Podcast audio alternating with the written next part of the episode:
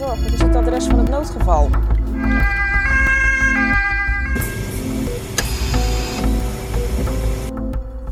Zo, daar zitten we dan weer. Uh. daar zitten we weer. Deze keer doe jij hem weer, uh, Jordi. ja, ik, ik, ik, heb hem toch overgenomen. Het, is toch, het voelde natuurlijk. Ja, precies. We hebben zo'n beetje onze indeling ondertussen al gevonden. Ja, het voelde onnatuurlijk de vorige keer. Ik, ja, denk, ik, moet, ik moet dit weer terugpakken. Ja, nee, je, hebt, je, hebt, je, hebt, helemaal gelijk. Je hebt helemaal gelijk. Maar um, ja, meteen met de deur in huis wel. Waar gaan we het vandaag over hebben, Jordi? Ja, vandaag gaan we het hebben over wat je kan doen bij brandwonden. brandwonden, ja, inderdaad. Want vorige keer hebben we over sepsis gehad, een wat complexer onderwerp. En nu willen we eigenlijk weer een beetje even teruggaan naar misschien de basics, wat bekendere dingen die we uh, nou, wat vaker misschien tegen zullen komen. Wat bekender ook voor ons zijn. Uh, wat, je, wat je sowieso in je leven wel waarschijnlijk een keer gezien hebt of zelf gehad hebt. Ja, helemaal mee eens inderdaad. Uh, ik denk dat iedereen zijn leven wel eens een keer verbrand is, al is het maar door de zon bijvoorbeeld. Dus ik denk dat het heel veel mensen aanspreekt. En kunnen zo eens even gaan bespreken wat we allemaal kunnen doen tegen brandwonden. Maar als eerste, Jasper, wat zijn die brandwonden nu eigenlijk? Ja, brandwonden, als we gewoon even puur naar de definitie kijken, dan zijn uh, brandwonden letsels waarbij een gedeelte van de huid of de volledige huid volledig is beschadigd door de inwerking van warmte, chemische stof of elektriciteit. Dus dat klinkt weer heel mooi en officieel. Um, maar eigenlijk kan het dus door heel veel verschillende dingen kun je verbranden. Je zegt het net zelf al, door de zon. Nou, je bent ook typerend is bijvoorbeeld, ik heb wel eens een keer een hete pan vastgepakt. Ook niet zo handig en daar verbrand je ook van. Maar dus ook, uh, wat er al terug in komt, is de elektriciteit. Uh, wat echt wel wat voor grotere problemen kan zorgen. En nou, waarom is het nou zo erg? waarom kan het? Want inderdaad, een beetje verbranden doet heel veel pijn. Is het nou zo erg? Nou, je kunt je wel voorstellen als iemand echt in de brand staat, in de brand vliegt bij bepaalde dingen. Uh, dat naast de verminking die je kan ontstaan, het, het ongelooflijk pijnlijk is. Dat is al als je een pan vastpakt, laat staan als je echt heel veel verbrand bent. En uh, het is ook heel infectiegevoelig en daardoor mogelijk uiteindelijk ook levensbedreigend. Ook deels door dus die infecties. Maar ook dat je op een gegeven moment zoveel vocht kan verliezen, je uiteindelijk in shock kan raken, is hij weer. Shock. Is, ja, we, hebben hem, we hebben hem. Ja, we hebben hem. komt iedere keer ook terug. Recurring guest. Maar daardoor is het dus, uh, ja, vanuit de definitie kan het dus een stuk serieuzer worden dan wat wij misschien gewend zijn. Wat wij tegengekomen zijn tot dusver in ons leven.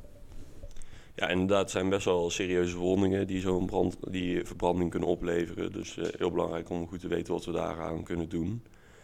Nou zijn die brandwonden, denk je van, wat, waar gebeuren die dan? En eigenlijk de meeste vinden plaats in de thuissituatie. Meer dan 80% vindt in of om je eigen huis plaats. Dus dat zijn dingen als denk aan inderdaad die pan vastpakken op, op in de keuken. Of een, net iets te warm water uh, over je arm heen laten vallen, dat soort dingen.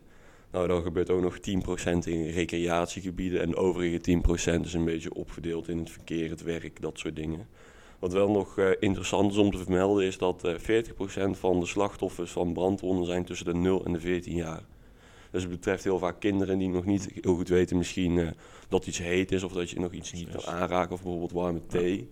Precies, typisch de thee die inderdaad van, uh, van de tafel afvalt op een kindje. Misschien die ergens aan, toe, aan het trekken is aan het, uh, aan het kleedje of zo. Dat is een heel typerend verhaal natuurlijk. Ja, nou, nu je dit verhaal zo schetst, het is precies wat ik heb meegemaakt uh, toen ik drie jaar was. Dus, heel typerend. Ik, ik, ik, kan dit helemaal mee vertellen, inderdaad. lekker kopje thee, terwijl je drie bent, dat is geen, geen goed idee. Ja, dat rijmt ook nog, dus dat is helemaal top. inderdaad, dus zoals we zeiden, komt bij heel veel mensen voor. Maar dit zijn dan vaak, je benoemt het al, dus het kan ook op het werk. En industrie, industrie kan het voorkomen, 10% van de gevallen. Daar zullen waarschijnlijk wat serieuzere gevallen ook voorkomen. Ja, precies. dan kun je ook denken aan die chemische brandwonden misschien wel in de industrie. Want ja, je weet niet wat voor stoffen daar uh, allemaal vervaardigd worden. Ja, inderdaad. Dat kunnen van die hele lelijke uh, uh, bijtende brandwonden worden. die echt problemen kunnen oplossen. En waar je ook voor je eigen veiligheid misschien als eerste hulpverlener op moet letten. Maar daar gaan we zo verder op terugkomen. ik denk ook goed om te noemen daarbij, en dat we zeiden het net al even kort, maar dus de zon is ook wel zeker bij kleine kinderen iets wat heel veel voor veel al eerste graads brandwonden kan verzorgen. Uh, maar ik kan me wel een nieuwsartikeltje van een paar jaar geleden herinneren dat een paar kindjes bij een kinderopvang heel lang buiten de zon gelaten waren. En die hadden toch echt wel tweede graads uh, brandwonden. Al met ja. blaarvorming en dergelijke. Dus dat kan ook zeker erger worden dan dat. Maar veelal zal dit gewoon een eerste, eerste graads brandwond zijn. Maar op die gradatie komen we straks ook nog eventjes terug. Ja, Jasper, je zei het net al. De meeste brandwonden die kunnen eigenlijk wel veroorzaakt worden door de zon. Die kunnen we daar wel de schuld van geven. Dat zijn dan die... Uh, eerste graads brandwonden. Mhm. Dus dat zijn eigenlijk een beetje de minder erge brandwonden. Maar er zijn ook uh, brandwonden die natuurlijk grotere problemen kunnen geven. En dat heeft vaak ook een andere oorzaak. En meestal als je echt denkt van, nou, dit kan wel zo'n groot probleem gaan worden met een brandwond. Als je bijvoorbeeld iemand aan de telefoon hebt die zegt, ik ben verbrand. Dan kun je denken aan open vuur, hete vloeistoffen of echt die chemische brandwonden, die mm -hmm. gemene. En het is altijd belangrijk om eh, gevaarlijke brandwonden te kunnen herkennen en te klassificeren. Want op basis van die klassificatie gaan we iemand doorsturen naar bijvoorbeeld de huisarts of naar het ziekenhuis. Ja. En dan gaan we daar verschillende dingen doen. Precies. En wat zijn dan dingen waar je, wat je misschien uit wil vragen wanneer je bijvoorbeeld iemand aan de telefoon krijgt, waar je echt op moet letten? Nou, wat denk ik heel belangrijk is, als je zo iemand uit wil, als je dat uit wil vragen, is dat je als eerste vraagt van wanneer is het gebeurd? Want eh, in een bepaalde tijd, waar we het straks nog eh, uitgebreid over gaan hebben, is het nog belangrijk om te gaan koelen bijvoorbeeld. Ja. Om de brandwond niet te laten verergeren. Wat, wat voor soort brandwond, waardoor is het gekomen? Dus door bijvoorbeeld die chemische stof, of is iemand gewoon bijvoorbeeld tegen een oven aangekomen? Dat soort dingen is ook heel belangrijk. En ten derde kun je een beetje de kenmerken uitvragen van welke gradatie bijvoorbeeld een brandwond is. En dan kun je natuurlijk denken aan die roodheid en of het veel pijn doet, maar ook blaren. Dus het is altijd belangrijk om te vragen hoe lang ben je blootgesteld aan die warmte en hoe heet was het. Want je kan je voorstellen dat een, een brandwond van bijvoorbeeld 200 graden meer schade kan toebrengen dan een brandwond van 50 graden. Ja. En op basis van die dingen kunnen we een beetje de ernst gaan beoordelen. Dus eh, die onderdelen die in die ernst zitten, is die gradatie, de op, het oppervlakte, dus zeg maar hoeveel van je lichaam is verbrand. Maar ook waar zit het? Want je kan je voorstellen dat als het bijvoorbeeld op een vervelende plek zit, dat dat ook grotere problemen kan geven dan dat bijvoorbeeld alleen eh, een stukje op je onderarm is. En eh, nou, die gradaties, daar het nu hebben we het nu al een paar keer over gehad, zo tussen mond en lippen door. Maar Jasper, hoe gaan we nu zo'n gradatie echt bepalen? Ja, dus gradaties, daar zal iedereen toch wel een beetje bekend mee zijn. Je, je kent het, je hoort het wel vaker, een eerste graas brandwond, tweede graas brandwond, et cetera. Ik moet zeggen eigenlijk dat ik, voordat ik echt eh, wat dieper ingegaan ben op dat acuut geneeskunde, eigenlijk nooit nou precies wist welke nou de ergste was en welke niet de ergste was. Dus daarom is het ook heel goed om dit soort dingen te bespreken. Ondertussen heb ik, ben ik er iets meer grip op, maar wil ik het ook graag dus delen met anderen. Nou, eh, eigenlijk, we hadden het net al gezegd, door de zon ontstaat vaak een eerste graas brandwond. Dus dat is ook de brandwond die het minst serieus is. Dus dan moet je ook, je moet een beetje ook denken bij die ernst, eh, dat is, of gradaties zijn gebaseerd op de diepte van de wond. Dus de eerste graas brandwond die is dan vrij oppervlakkig. Dus dat, kan dan, dat zal vooral gekenmerkt worden door roodheid van de huid, eh, zwelling van de huid en ook pijn, eh, vooral pijn eh, ervan. En je zou nog, we hebben het eerder gehad in de ABCD-aflevering over die capillary refill. Dus dat is hoe snel bloed weer terugkomt wanneer je even vijf seconden op het huidbed duwt. En dan zie je dus bijvoorbeeld dat bij zo'n eerstgraadsbrandwond die eigenlijk eh, gewoon binnen twee seconden terugkomt. Juist omdat het een heel warme huid is, waardoor er ook nog veel bloeddoorstroming is. En eh, daar verder geen afwijking te zijn. Nou, een tweede brandwond, dat is al wat dieper in de huid gelegen. Daarbij verwacht je eigenlijk eh, die blaarvorming, waar we het ook al iets eerder over gehad hadden. Dus eigenlijk als je blaarvorming ziet überhaupt, per definitie is het al een tweede, tweede brandwond of meer. En dit is naast die roodheid en zwelling waar we net eh, dus eh, het al over hadden, is dus ook die eh, blaarvorming hier heel typisch voor. Daarnaast kan de huid een beetje glanzend eruit zien, omdat echt die toplagen vanaf gehaald is. En dan die lage lagen, die zien er wat glanzender uit. Ehm, en vaak is het ook extreem pijnlijk. Het is nog een stuk pijnlijker dan we zijn allemaal, dat kennen we die eerste graasbrandwonden wel, maar die tweede graas die zijn echt wel nog een stuk pijnlijker. En, maar ook hier, is die capillaire refill is nog vrij normaal, want de onderliggende bloedvaatjes zijn nog vrij veel nog intact. En eh, opnieuw is het hier eh, nog steeds een vrij warme huid. Eh, en doordat in die zin nog intact is, zal die gewoon nog hetzelfde zijn binnen twee seconden die we gewend zijn terugkomen. Als je echt een, iets, een, echt een diepere tweede graas brandwond krijgt, dan kan die mogelijk wel iets vertraagd zijn. Nou, de echte serieuzere jongens, daar komen echt bij die derde graas brandwonden in. En dat wordt ook gekenmerkt door echt een ernstige beschadiging van de huid. Dus dan is naast de opperhuid ook de huidlaag daarna volledig doorgenomen. En de kleur die je bij dan ook ziet is eigenlijk niet dat rozerige waar het eerder gehad hebben, maar het is echt of een dieprode, echt van, dat is gewoon het bloed wat daar een beetje bij komt kijken, of een witte kleur. En ja, dat is soms zelfs helemaal verkoold, die huid die daar zit bij die derde graas brandwonden. En als je hier, eh, dit, ja, de huid is vaak hier ook niet eens pijnlijk meer, gewoon omdat het allemaal weggebrand is, die, die sensoren. Dus waar het bij de tweede zo pijnlijk is, omdat het eigenlijk net op de edge van die sensoren zit, die pijn eh, aanvoelen in je huid, zijn die hier helemaal weggebrand, waardoor je ook niet geen pijn voelt. En je kunt wel op gaan drukken, maar er zit eigenlijk geen bloed meer. Dus die capillaire refill die zal überhaupt niet meer terugkomen. Ja, als het ook niet roze is to begin with, dan is het ook lastig om de roze terug, terug te laten komen. Dus daardoor kun je eigenlijk een goed onderscheid maken tussen die tweede en derde graads brandwonden. Dan is er eigenlijk, wordt ook nog eens gesproken over een vierde graads brandwond. Nou, die wordt in de literatuur wat minder besproken. Maar daarbij kun je er wat meer denken aan eh, als echt ook de spieren onder, onderliggend en het bot zelfs eh, een beetje wegge, wegge, weggebrand is door eh, de inwerkende stof of inwerkende hitte. Eh, dus dat zijn eigenlijk de vier categorieën die we zo kennen. Ja, dus bij die vierde moet ik echt denken van, eh, dan zijn we gewoon helemaal door de huid heen en zijn we zelfs de onderliggende weefsels, die zijn is- beschadigd door de brand. Dus daar gebeurt niet zomaar, zeg maar. Dan moet je ook echt denken aan heftige elektriciteitswonden of zo. Kabel, echt Ah, flinke kabels vastpakken, dat er net heel je hand eigenlijk open wordt gebrand daardoor. Dus dat zijn nou, dingen waar je zeker mee naar spoedeisende hulp mag. Uh, 1 en 2 voor bellen ook een goede indicatie is. Ja, zeker. En ik hoorde jou praten over pijn bij brandwonden. En dat zo'n uh, tweede graads brandwond eigenlijk het, het pijnlijkste is, omdat dan uh, die sensoren bloot liggen. En zo'n derde graads brandwond op, op de plek van de derde graads brandwond zelf is het natuurlijk niet pijnlijk, omdat al die uh, sensoren weg zijn. Maar wat je vaak ziet is dat rondom een derde graads brandwond de tweede of eerste graads verbranding aanwezig zijn. Dus zeg maar als je een beetje verder naar buiten gaat. En die kunnen natuurlijk wel heel pijnlijk zijn. Ja, dus daarom zeker. kunnen we eigenlijk wel spreken dat alle brandwonden zijn wel pijnlijk omdat het steeds uh, verder vanaf het centrum precies. iets minder in gradatie wordt. Ja, precies. Dat is, maar het is het meest serieus inderdaad als het in het midden niet pijnlijk is, maar het buitenom juist wel pijnlijk is. Want dan weet je dus eigenlijk als je een derde graads brandwond te pakken hebt. Dat zul je zo snel niet zo tegenkomen op straat. Maar ja, bij sommige ernstige ongevallen zal het zeker kunnen gebeuren. En dan het grote gevaar is ook, komt die shock weer terugkijken, is dat wanneer echt een heel groot oppervlakte, waar we het daar ook over gaan hebben, uh, omvat wordt door zo'n tweede of derde gas brandwond. Iemand heel veel vocht heel snel kan verliezen. En op die, die manier dus uh, opnieuw in een, uh, eigenlijk een volume tekort komt van de hoeveelheid bloed, of in ieder geval vocht dat degene in zijn lichaam heeft. En daar dus uiteindelijk een, ja, een, kan de circulatie daaronder, dus het bloeddoorstroming kan tekort komen, waardoor iemand dus uiteindelijk een zuurstoftekort kan krijgen en dus heel ernstige gevolgen van dien. Ja, precies. Dus eigenlijk uh, door die, uh, doordat uh, die huid kapot is, kun je heel veel vocht verliezen en, en kun je in die shock raken. Nou, het is toch wel een onderwerp wat wij vaak bespreken, die shock. Dus een van onze favoriete onderwerpen. En altijd heel verstandig om er heel bedacht op te zijn, want dat zijn levensgevaarlijke situaties. Ja. En ik hoorde jou praten over dat totaal verbrand lichaamsoppervlakte. Want mm -hmm. daarmee kunnen we bepalen of iemand de kans heeft om in shock te gaan. Ja. En dat kunnen we ook bepalen. En daar zijn eigenlijk twee soorten regels voor. En dan wil ik graag beginnen met de 1% regel. En die staat er eigenlijk voor dat 1% van het lichaamsoppervlak staat gelijk aan één hand van het slachtoffer met gesloten vingers. Dus als iemand verbrand is, kun je zo met, met die hand van het slachtoffer kun je opmeten hoe vaak de hand in de brandwond past. En uh, daarmee kun je uitrekenen hoeveel van het lichaam verbrand is. Wat wel nog belangrijk is om uh, op te merken bij deze regels, is dat het totaal verbrand lichaamsoppervlak pas telt vanaf een tweede graads brandwond. Dus als iemand bijvoorbeeld verbrand is door de zon, dan telt dat niet, omdat het een eerste graads brandwond is. En daarom gaan we dat niet meetellen bij het totaal verbrand lichaamsoppervlakte.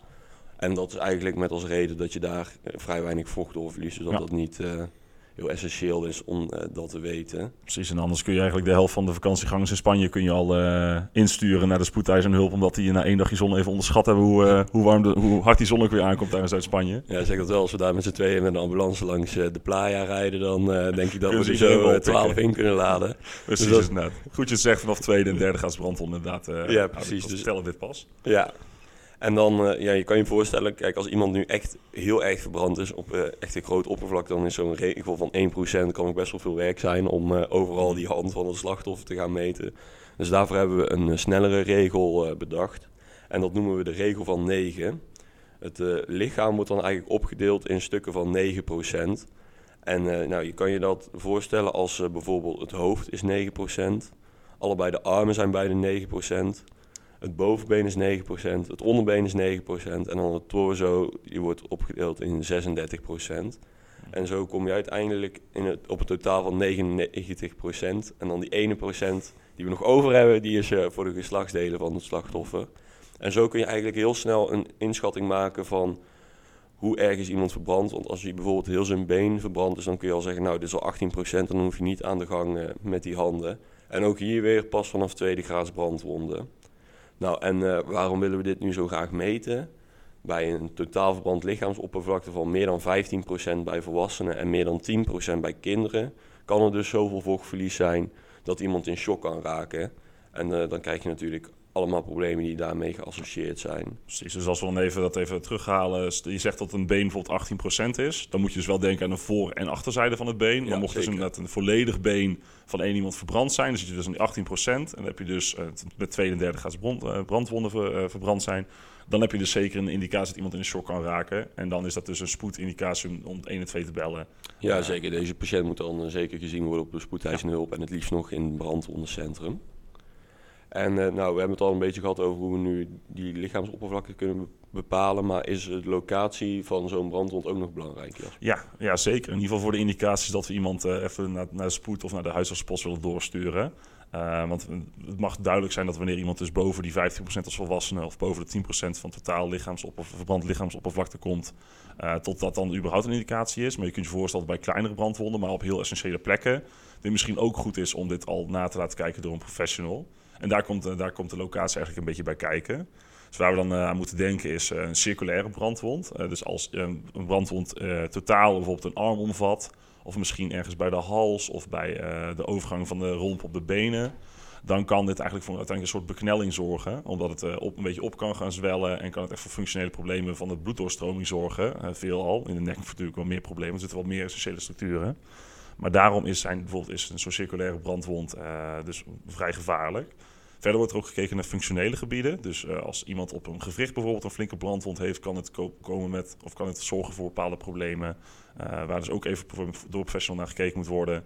En het gelaat, ja, en het gezicht is natuurlijk altijd heel vervelend als je daar een flinke brandwond hebt zitten. Dus daar wordt ook wat laagdrempeliger uh, door professionals naar gekeken.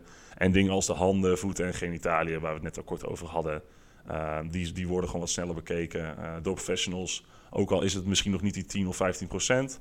Puur omdat dat gewoon uh, met heel veel uh, mobiliteit, dus echt voor problemen voor mensen, al is het dan niet misschien voor schaamte, maar ook functioneel uh, voor problemen kan zorgen. Ja, zeker. Dus dat zijn dingen waar we op moeten letten. En vooral bij die gewrichten en zo, dat kan later echt veel problemen opleveren. Want je kan je ook voorstellen, een brandwond geneest alweer, maar dat wordt een soort litteken, mm -hmm, ja. wat minder soepel is. Dus daar moeten we wel even op gaan letten dat alles nog goed gebruikt kan worden. En dan, ja, je zei het eigenlijk al, we kunnen dus een patiënt insturen of naar een huisartsenpost of naar een spoedeisende hulp. En uh, nou, wanneer sturen we nu iemand door naar een huisarts, Jasper? Ja, nou de huisarts is natuurlijk uh, wat laagdrempeliger dan de spoedeisende hulp. Dus hierbij kun je vooral denken aan tweede en derde brandwonden. Ook al voldoet die misschien niet aan, de, aan die 10 tot 15 procent. Uh, 10 procent bij kinderen, 15 procent bij volwassenen. Dan kan je alsnog goed even bij de huisarts aankloppen als je echt zo'n flink diepe wond hebt die tweede of derde graad zal zijn. Puur om even te kijken, misschien advies te krijgen en te kijken wat je het beste kan doen. dus je brandwonden over functionele gebieden. Uh, omdat het misschien nog niet meteen het gewicht erdoor bedreigd is, uh, is dat iets waar de huisarts ook even naar kan kijken. Hetzelfde voor het gelaat, handen, voeten en die genitaliën. Die kunnen dan eventueel kan de huisarts bepalen of die jou door wil sturen, mocht hij toch een beetje too much to handle vinden. En allerlaatst brandwonden bij baby's en peuters. Nou, ik kan me voorstellen dat uh, ook jouw ouders, toen jij de thee over jezelf heen gegooid had, uh, toch eventjes bij de huisarts langs gegaan zijn om even te checken of het allemaal wel oké okay was met jou. Ja, we zijn wel een rondje naar uh, de huisarts gegaan en toen rechtdoor naar het ziekenhuis. Dus ik heb het allemaal gezien. En nou, nu we dan toch op het ziekenhuis zijn, zijn er ook wel een paar indicaties waarop je direct 112 moet bellen en iemand moet doorsturen naar de SEH. Mm -hmm. En dat is bijvoorbeeld bij een inhalatietrauma. Dan kan je je voorstellen als er bijvoorbeeld brand is ergens en er komt rook vrij. Die rook die is heel heet. Maar als je dat inademt, dan kun je je luchtwegen verbranden. En nou, wat, wat doet de verbrand? Het lichaamsdeel, die gaat zwellen. En dat is natuurlijk in je luchtwegen heel gevaarlijk. Want als je luchtwegen gaan zwellen, net zolang tot ze dicht gaan, dan heb je een groot probleem. Zeker. Dus uh, dat is altijd een indicatie om 112 te bellen. Ga ook niet met zo iemand zelf naar het ziekenhuis rijden, maar laat een ambulance komen en laat hem ophalen. En waar kun je dat nou eigenlijk aan herkennen? Want dat is misschien ook wel goed om even te zeggen. Als bijvoorbeeld iemand een roet in de mond heeft, dus bijvoorbeeld roet op zijn tong of in beide neusgaten, dat is altijd een indicatie dat iemand een inhalatietrauma kan hebben. En uh, ook uh, als iemand een inspiratoire stridor krijgt, dus als iemand gaat piepen bij een inademing, dat is eigenlijk een teken dat die luchtwegen aan het zwellen zijn, dus dat je eigenlijk direct 112 moet bellen. Nou, wat is nou ook nog belangrijk? Je gaat iemand altijd doorsturen naar een SEH bij een chemische brandwond. Dus als iemand komt door een bijtende stof of door echt een chemische stof waarvan je niet eens weet wat het is. Uh, bij brandwond door elektriciteit. Dat kan natuurlijk ook altijd nog problemen opleveren bij het hart, want het werkt ook op elektriciteit. En dan komen we bij die uh, totaal verbrand lichaamsoppervlakte. Bij kinderen, als dat groter is dan 5%, willen we ze eigenlijk zien op de spoedeisende hulp. En bij volwassenen hebben we dat uh, naar 10% gedaan. Dus als het bij volwassenen groter is dan 10%, moet je hem ook doorsturen naar de spoedeisende hulp. En wat Jasper ook nog goed zei, als je kijkt naar die circulaire brandwonden, dat zijn ook altijd belangrijke indicaties om daar door te sturen. Omdat dat natuurlijk uh, voor heel veel problemen kan opleveren als die brandwonden gaan uh, uitzetten. En dat je daardoor bijvoorbeeld met je eigen ademhaling in gevaar komt. Even nog goed om het terug te halen, want ik zie dat hier uh, 5 en 10 procent wordt er nou genoemd. Uh, bij kinderen 5 procent, bij volwassenen 10 procent. We zeiden net natuurlijk 10 procent bij kinderen zorgt voor risico op shock. Hetzelfde voor 15 procent bij volwassenen. Nou, het is dus iets laagdrempeliger, mag je al, uh, mag, is het al bedoeld dat je naar spoedeisende hulp gaat.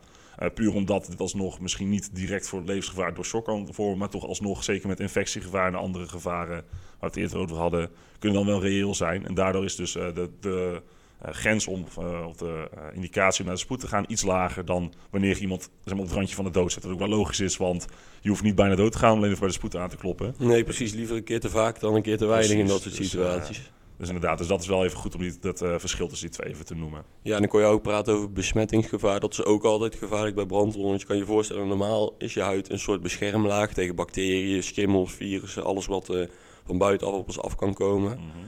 Ja, je haalt eigenlijk het bovenste laagje weg, dus de beschermlaag is weg.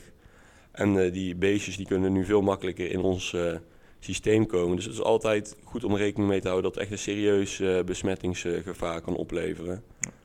En wat kun je nou doen om het schoon te houden? Als je bijvoorbeeld naar de huisarts of naar spoedeisende hulp wil, als je thuis bent, kun je er bijvoorbeeld huishoudfolie omheen draaien. Dat houdt het, het vocht ook goed binnen en dat zorgt dus voor een soort barrière, zodat er geen bacteriën binnen kunnen komen. Ja, precies. En wat ook al belangrijk is, we zeiden al, die tweede graads brandwonden die kunnen blaren geven. En ja, als zo'n blaar nog heel is, dan is dat nog steeds een soort eh, beschermlaagje voor je lichaam. Dus je moet dat ook nooit eh, doorprikken zelf, omdat dat die kans dan op infectie gaat geven. Ja, precies, inderdaad. En Maar- dan zijn we eigenlijk vanzelf al een beetje in de behandeling gerold. Dus laten we daar ook eh eventjes op doorgaan. Ja, precies, want we moeten natuurlijk ook weten wat we eraan kunnen doen. eh. Ja, precies. Nou, mocht het echt heel acuut zijn dat iemand echt in de brand staat, dan heb je eigenlijk de heel, het heel simpele rijmpje, wat ook misschien wel vrij logisch is voor je eigen gevoel, is dat het dan zo snel mogelijk uit moet. En wat we dan vaak zeggen is, je moet niet gaan hollen, want iemand zal misschien een beetje in paniek zijn. Maar in plaats van hollen, wil je dat iemand gaat rollen. Want door te rollen, dat zie je in films wel eens, kan iemand echt dat vuur doven en op zo'n eh, efficiënt mogelijke manier eh, kan op alle plekken waar mogelijk iemand in de brand staat, kan die op die manier eh, zorgen dat het zoveel mogelijk gesmuierd wordt en uiteindelijk uitgaat. En als tweede, mocht, mocht het, het, het, de brand geblust zijn in die zin. En, of mocht iemand gewoon op een andere manier verbrand zijn, is het allereerste is belangrijk om gewoon te laten, koelen. En daarom zeggen we ook wel eerst water, de rest komt later.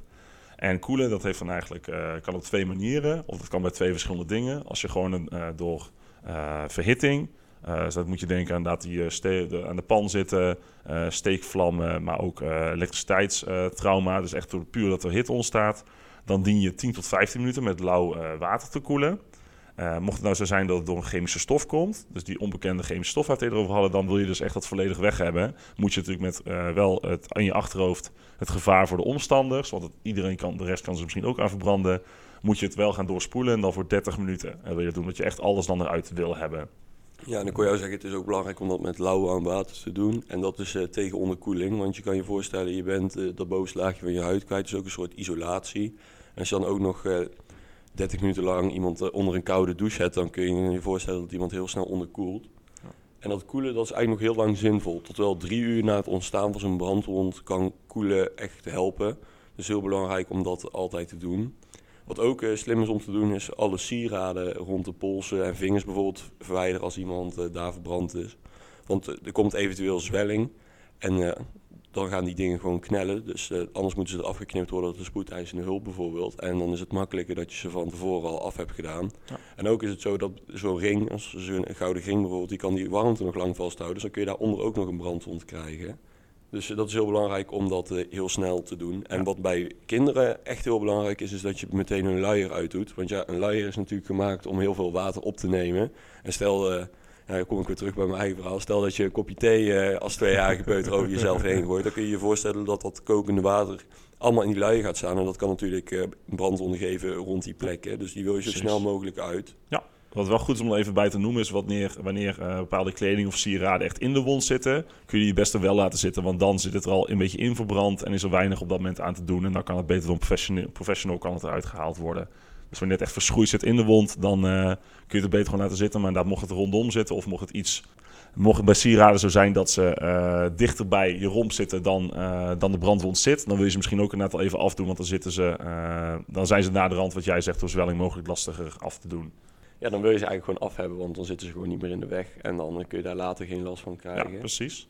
Ik denk dat we zo al best wel eh, even door de basics eh, van brandwonden heen zijn gegaan. En ook Mhm. eh, hebben we jullie verteld wat je nu kan doen in de eerste hulpsituatie. En wat is nou een indicatie om iemand door te sturen.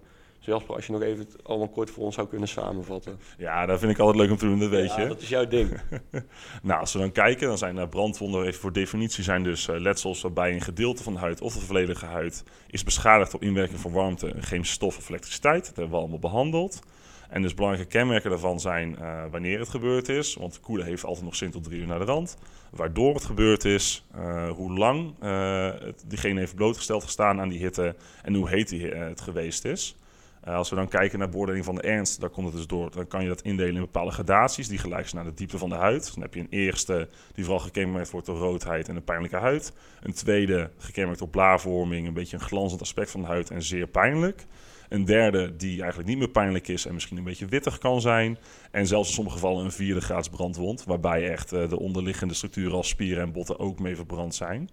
Nou, dat samen met het oppervlakte, dus het TVLO, totaal verbrande lichaamsoppervlakte, eh, wat we kunnen uitmeten met de 1%-regel, dus de handpalm met gesloten vingers van het slachtoffer, of de regel van 9, waar je even terug kan luisteren als je dat even kwijt bent geraakt, waar het allemaal voor staat.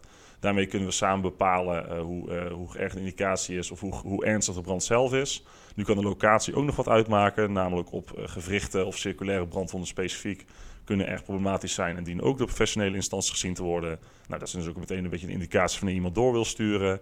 Uh, met het grote gevaar is dus vanuit de TVLO's dat wanneer een volwassene van uh, minimaal 15% en een kind van minimaal 10% uh, door tweede en derde graads brandwonden verbrand is, dat die dan gevaar hebben op shock. Daar is hij weer.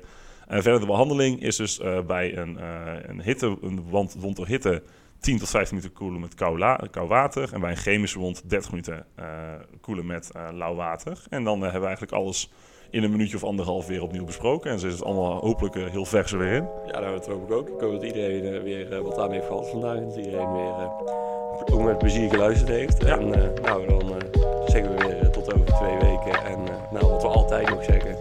Houden we.